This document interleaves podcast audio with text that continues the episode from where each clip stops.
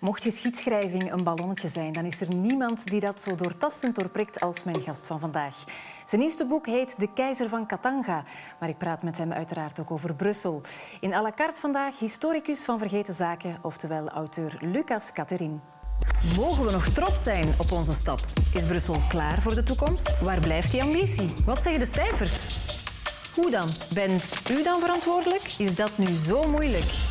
Wat gaat u eraan doen? Bruist Brussel nog? Of kookt het potje stilaan over? Lucas Catherine, historicus van Vergeten Zaken, uh, noemt u zichzelf ook wel eens. Welkom in à la carte. Hoe gaat het met u? Uh, stilletjes aan, zoals ze zeggen. Wat is stilletjes aan? Ja, bah, het wordt zeer vervelend hè, met corona. Dus. Ja, u bent het beu. Ja, ik ben vooral beu dat uh, bepaalde culturele centra zoals Staminees gesloten zijn. Dat is mooi gezegd, culturele centra zoals de Staminees. Ja, op café willen we allemaal wel. Hè. Maar vindt u dat de stad veranderd is tijdens corona? Want u wandelt ook graag, hè? u flaneert ook. Ja, ja, natuurlijk is het veranderd. Zeg. Uh, maar uh, de wijk waar ik woon wordt het nog slechter. Het was al slecht begonnen met de voetgangerszone, omdat dat een breuk was met de hoogstad. Dus de mensen van de hoogstad zakten niet meer af, van Elsenen hier of van Sint-Gillis. En nu, door die corona, is dat nog veel minder. Dus ik vrees dat daar heel veel faillissementen gaan zijn bij al wat dat uh, horeca is. Ja, ja, want ik woon zelf ook in het centrum, niet zo ver van u blijkbaar. Er zijn al wel wat zaken aan het sluiten, hè? Ja, we zullen het zien als het terug open gaat. Hoeveel? Ja. En bent u zelf veranderd door die hele coronatijd? Want we zijn er nog niet vanaf. Ja, wel ja. Ik kan moeilijker met een draai vinden. Iedereen, denk ik. Hè. En is dat dan omdat u minder buiten komt? Ik probeer toch buiten te gaan. Hè. Begin al met naar een bakker te gaan en kranten te kopen in plaats van geabonneerd te zijn of op een uh, computer te kijken. Dus dan ben je toch ook al eens buiten. Hè. Maar het is moeilijker, want het is altijd hetzelfde parcours ongeveer dat je doet. Uh, het wordt. Maar gelukkig heb ik een parcours waar dat ik zeker ben dat ik bepaalde mensen tegenkom. Dus, ah, Want je moet, je moet volk zien, zoals ja, ze zeggen. Wel, uh, ja. Dat is eigenlijk het belangrijkste. Ja, absoluut. Want ja, ergens zou je ook kunnen denken van een schrijver zit altijd al een beetje in quarantaine. Of is dat bij u niet zo? Nee, dat is bij mij niet zo hoor. Ik werk, uh, als ik bezig ben, maximum drie uur per dag. En dat is in de voormiddag en de namiddag. Dat is... Uh, in ieder geval niks meer. Dus wel eventueel voorbereidend lezen of nog Ja. zoeken, hè, maar uh, normaal niet. Uh, zeg, ik ben een oude mens en gepensioneerd, ik ga geen acht uur per dag werken. Hè. Dat is waar, dat is waar. Maar op die drie uur kan u toch veel doen, denk ik. Want u heeft alweer een nieuw boek uit. De Keizer van Katanga heet het boek. Het heeft een Nederlandstalige kant en een Franstalige kant. Um, maar had u niet gezegd dat, het, uh, dat uw vorige boek al uw laatste boek ging zijn? Ik heb dat blijkbaar voor andere boeken ook nog gezegd, maar nu was dat echt gemeend. Maar dat is een boek dat door corona gekomen is. Je moet je Ja? bezighouden. Well, ik, ik wou dat ook wel doen, maar dat is de extra push om, ja, om dat je een project hebt. Hè. Er zijn nog wel andere projecten waar ik aan mee bezig ben, maar het is toch... eh, Ja, dus zonder bezig corona was het boek er niet geweest. Eh, Waarschijnlijk niet, nee. Ah. Ik durf dat niet zeggen. Kijk, toch een voordeel hè, aan corona. Maar het boek gaat over de keizer van Katanga. Ehm, ik ga even moeten spieken, want dat is eh Mushidi Ngelengwa. Eh, ik kende die man niet. Dat kan aan mij liggen. Nee, Eh, dat eh, ligt zeker niet aan jou. En ook niet, eh, trouwens, mensen die hem eventueel kennen, kennen hem onder Msiri, een gemakkelijkere naam. Al die Afrikaanse namen waren voor de kolonisators ook moeilijk, dus als het een kortere versie was, ging dat. En dat is iemand die onterecht vergeten is uit de geschiedenis, omdat hij eh, heel belangrijk geweest is. Dat is namelijk de man die Katanga op de koperprovincie zat. En je moet weten, tot eh, als Leopold II begon te koloniseren samen met Belgisch kapitaal, dat dat allemaal producten van de natuur waren. Ivoor van de olifanten, rubber, dat komt uit lianen, eh, hout, tropisch hout, waar dat we onze eigen eh, allez, nouveau eh, van hebben hier. Eh, en dan, dat is eigenlijk de eerste stap voor de mineralen van Katanga te veroveren. Het begint met het koper dat gecontroleerd wordt daardoor. Door hem.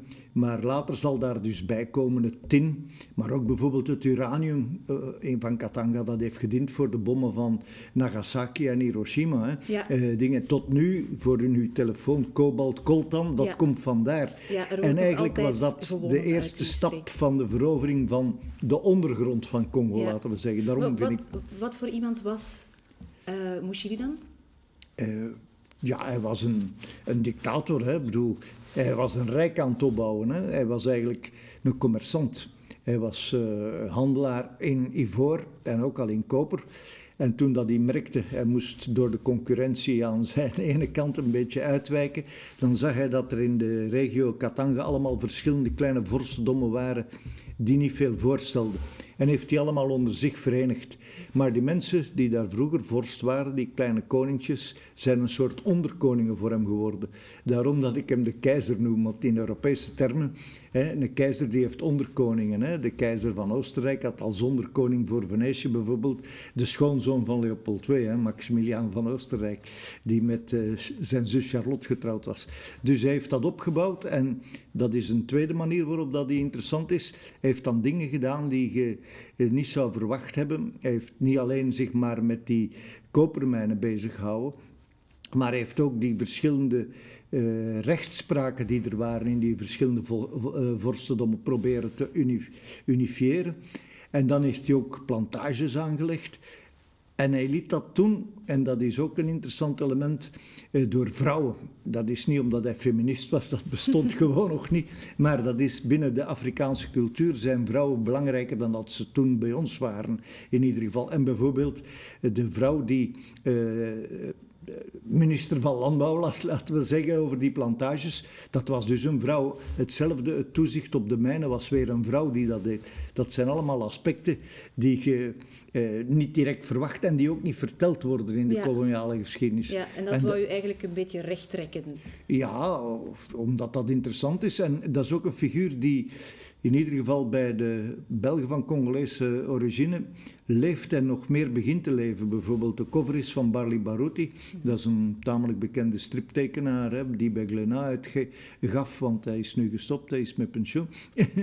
en dingen. Eh, die had ook al gedacht aan een stripverhaal over diezelfde serie, die Mushidi Ngelengwa. Ja. Uh, ja, want er is ook wel een link met Brussel door de kolonisatie. Ik las ook in uw boek eigenlijk wel straf. Er zijn nog munten of betaalmiddelen uit de periode van Mushidi, dus nog voor de Belgen er uh, ja, aankwamen. En van lang voor uh. Ja. Ik heb er mee. Oh ja, want u heeft het meegebracht, hè? Ik heb altijd trommelen Maar die, die betaalmiddelen zijn hier nog te vinden in Brussel zelfs Ja, vandaag. en dat, dat zijn munten, hè, want ze worden voor zover dat ze nog, ik weet niet wat dat in beeld is, ja? Uh, dingen, ze worden nog verkocht in een winkel van oude munten. Dus dat wordt ook beschouwd als... En zo is er eentje in Brussel? Uh, ja, naast de Sirio. En je moet tegenwoordig bellen, want met de corona is die niet permanent open. Maar de oudste dateren daarvan uit de 13e eeuw. Dus afslang ja. voor de Belgen, maar ook lang voor uh, Moshidi. Hè. En wat is dat waard? Uh, hier heeft men daar eigenlijk niet zoveel waarde aan. Je betaalt dat de prijs van het koper, waar dat van gemaakt is. 7 euro het stuk. Ik bedoel, een uh, munt uit de 13e uh, eeuw van een ander land zou duurder zou veel meer waard zijn, ja, ja inderdaad. Want uh, ja, we gaan van Mushiri naar, naar, naar Brussel en hier in Brussel...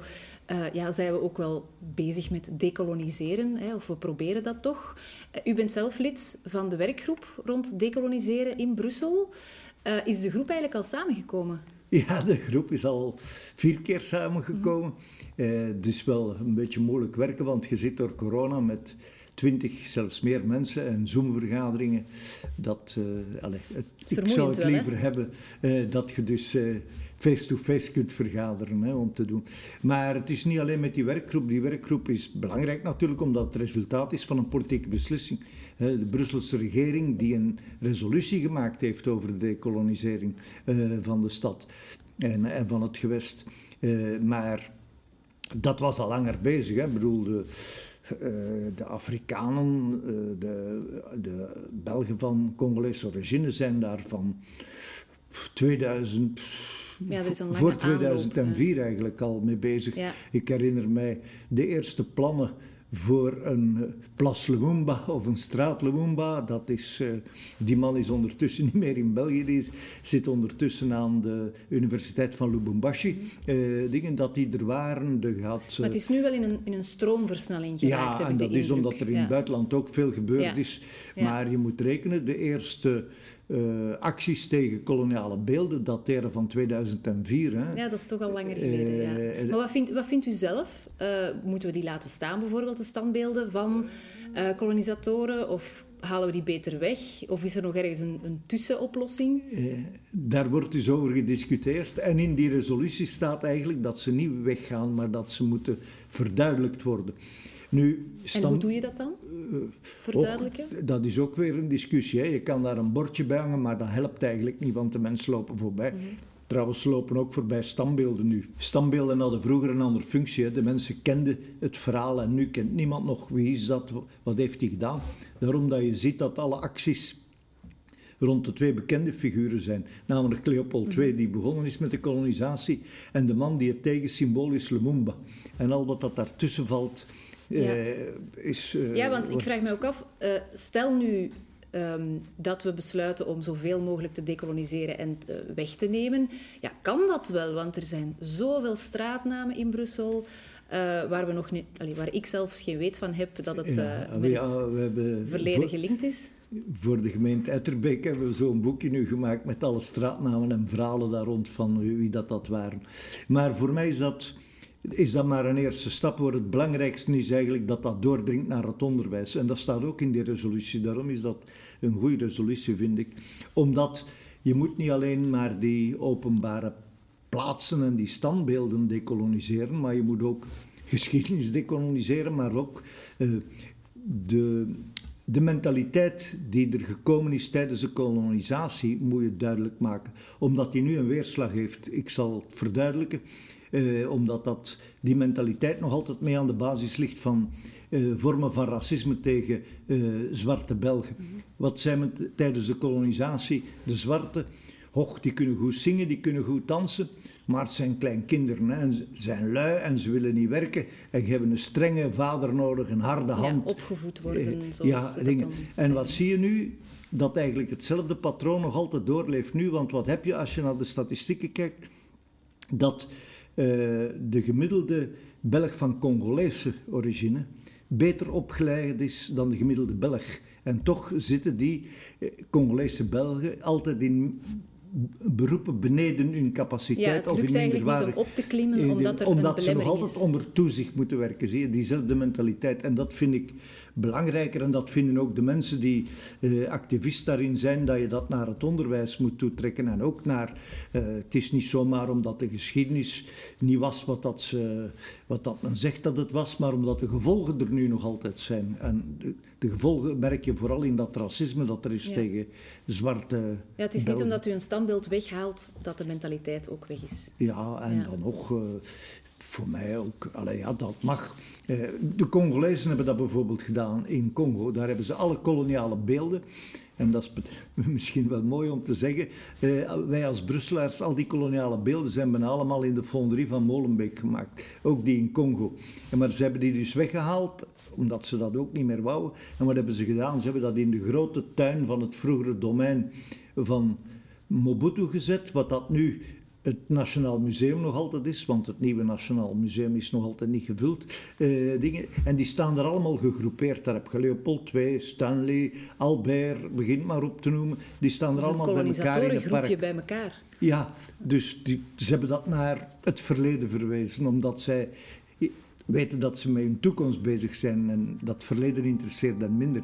Maar voor België is dat weer anders. Hè? Hartelijk dank voor uw komst naar à la carte, Lucas Catherine.